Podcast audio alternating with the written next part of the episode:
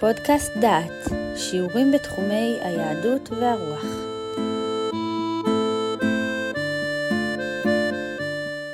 ברוכים הבאים לפודקאסט דעת, לקורס ירמיהו ותקופתו. הנושא שלנו הוא תחת הפסוק נבערו הרועים וכל מראיתם נפוצה. זה ירמיהו פרק י'. מדבר אליכם יהודה אייזנברג ומאחל לכם האזנה נעימה.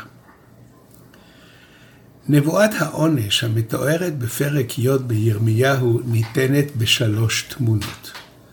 תמונת העם המקבל את הנבואה, תמונת הרועים שאוהלם נהרס, ושוב חוזרת תמונת העם השומע על תנועת האויב, חרד ומתפלל להצלה. התמונה הראשונה היא תמונת העם, השומע נבואת זעם. אספי מארץ קנאתך יושבת במצור. כי כה אמר אדוני, הנני קולע את יושבי הארץ בפעם הזאת, והצעירותי להם למען ימצאו. הנביא פונה אל יושבי הארץ, תאספו את הסחורה, תפסיקו למכור באשראי.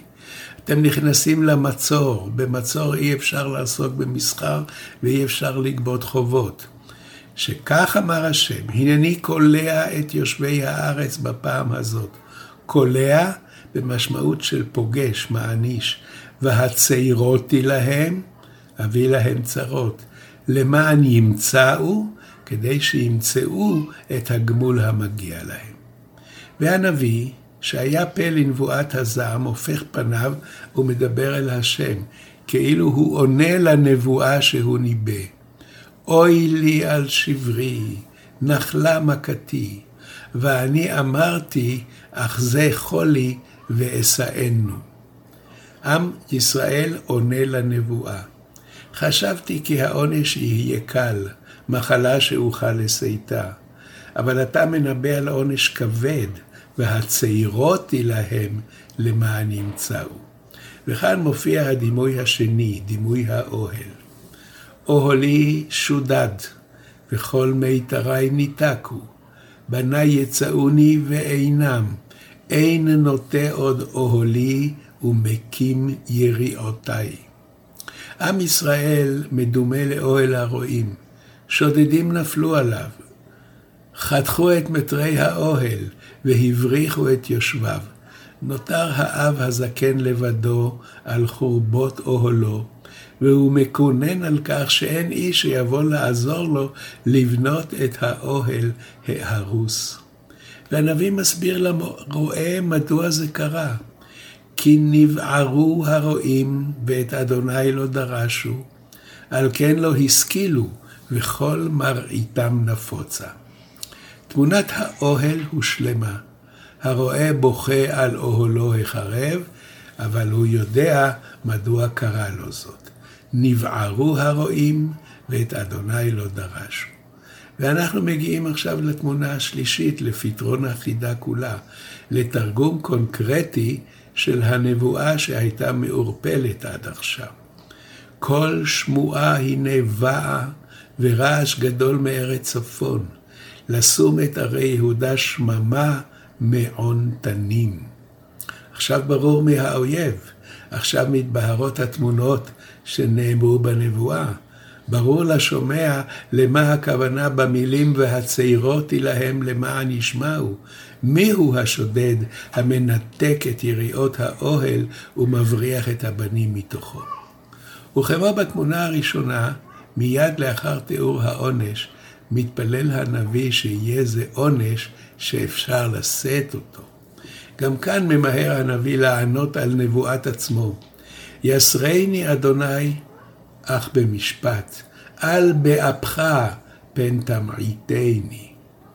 כאשר נמסרת הנבואה הכללית, ההודעה על עונש הקרב ובא, אמר הנביא, אוי לי על שברי, נחלה מכתי. כאשר שומע הוא כי מצפון באה הרעה, מתפלל הוא שנית. ישר... יסרני אדוני, אך במשפט, אל באפך, פן תמעיטני. צפון הוא האויב, בבל באה מצפון. וכאן באה התוספת המוכרת לנו מן ההגדה של פסח ומן ההיסטוריה היהודית גם יחד. פסוק זה שאקרא עכשיו, שאומר ירמיהו, מופיע גם בהגדה של פסח. ואין בכל ההגדה קטע שזכה לטיפול במחק ובמספריים כמו הקטע הזה. צנזורים יהודים ונוצרים כאחד נטפלו לדברים אלה של ירמיהו. הנוצרים עדיני הנפש לא יכלו שאת תפילה נגד אלה המכלים את יעקב ואת נביהו הישמו. ויהודים עדיני נפש הלכו בעקבותיהם. איך אפשר לדבר כך על הגויים? ואילו ירמיהו, שבע צרות ואחוז ייאוש, מתפלל לשלומו של עם ישראל ולהכחדת אויביו, ואומר, שפוך חמתך על הגויים אשר לא ידעוך, ועל משפחות אשר בשמך לא קראו, כי אכלו את יעקב, ואכלוהו, ויכלוהו, ואת נביהו הישמו. ובלשונו של רד"ק, אם יש לך אף וחימה, אתה, הקדוש ברוך הוא, שפוך אותם על הגויים אשר לא ידעוך, ועל משפחות הממלכות אשר בשמך לא קראו. כי ישראל, אף על פי שחטאו לפניך, לא יצאו מתחת רשותך מכל וכול, ולא נתערבו עם עם אחר. הם נבדלים מכל העמים, ומחזיקים ברוב המצוות, וקוראים בשמך ומתפללים לפניך. ואף על פי שאין ליבם נכון, ליבם איננו נאמן עדיין, ישובו בתשובה, כי לא אבדה התקווה מהם, ועוד היום יש בהם חסידים. טוען הנביא, אם אתה רוצה להעניש את העוברים על רצונך, האמנם אין מי שהכעיסך יותר מאשר עם ישראל? ומה עם הגויים שאכלו את יעקב, ואכלוהו, ויכלוהו, ואת נביהו הישמו? אם נעקוב אחרי הופעתו של פסוק זה בהגדה של פסח, ונבחין עד כמה מחקו ממנו צנזורים נוצרים ויהודים כאחד, נבין כי גם הם מאמתים את טענת הנביא. אכלו את יעקב, ואכלוהו, ויכלוהו, ואת נביהו הישמו. אני רוצה להוסיף כאן טקסט מעניין, קטע ממאמר של פרופסור שמואל פויסט. הוא מדווח על פרפרזה של הפסוק שפוך חמתך שקראנו זה עתה. באירופה התגלגל נוסח שונה של פסוקי ירמיהו. מה שבתקופות מסוימות, אני עכשיו נותן את רשות הדיבור לפויסט. מה שבתקופות מסוימות ובקהילות מסוימות נראה טבעי ומתבקש, גרם ליהודים אחרים לזוע באי נוחות על כריות ההסבה שלהם בליל הסדר. הגדות שנערכו על ידי יהודים רפורמים השמיטו כליל את הפסוקים הדורשים נקמה בעמים חסרי האל אשר אכלו את יעקב. בחלק מהנוסחים הרפורמיים הוחלפו פסוקי הנקמה בציטוטים אלטרנטיביים, המדגישים את האוניברסליות, השוויון ואחוות העמים. בבתים שונים היה מקובל שלא להשמיט, אלא להוסיף לשם איזון קטע מקביל שמקורו אינו ברור. הנה הקטע שנוסף להגדה. שפוך אהבתך על הגויים אשר ידעוך. ועל ממלכות אשר בשמך קוראים, ועל חסדים שהם עושים עם זרע יעקב, ומגינים עלי עמך ישראל מפני אוכליהם. יזכו לראות בטובת בחירך ולשמוח בשמחת גוייך. הטקסט מתייחס לחסידי אומות העולם שבכל דור ודור.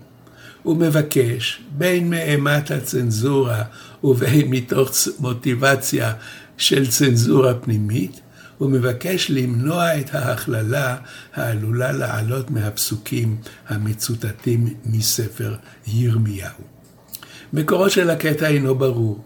חיים בלוך, שנודע כזייפן תעודות מוכשר, כתב כי מקור הטקסט בהגדה עתיקה, בכתב יד מפואר וציורים נפלאים על גבי קלף, שהייתה בידיו של אחד מצאצאי שמשון ורטהיימר, קצין גבוה בצבא האוסטרי שלפני היטלר, ונמצאו בה פזמונים שאינם נמצאים בהגדה שלנו, וגם שינויים הרבה נוסחאות.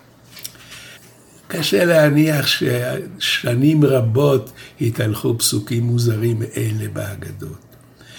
מה שברור שהפסוקים האלה נכתבו לפני מלחמת העולם השנייה ולפני היטלר, באותה תקופה שעם ישראל וההשכלה והאור לגויים וההתחברות לעמים עוד שיחקה משחק משחק כבד בהתנהלות של בני אדם ושל יהודים בפחד.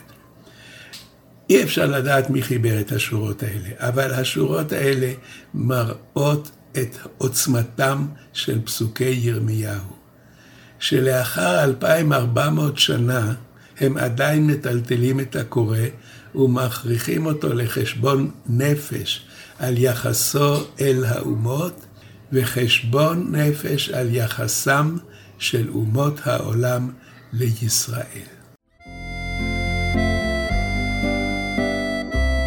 שמעתם שיעור מתוך הקורס ירמיהו ותקופתו, מאת פרופסור יהודה אייזנברג. את הקורס המלא וקורסים נוספים ניתן לשמוע באתר דעת במדור פודקאסט.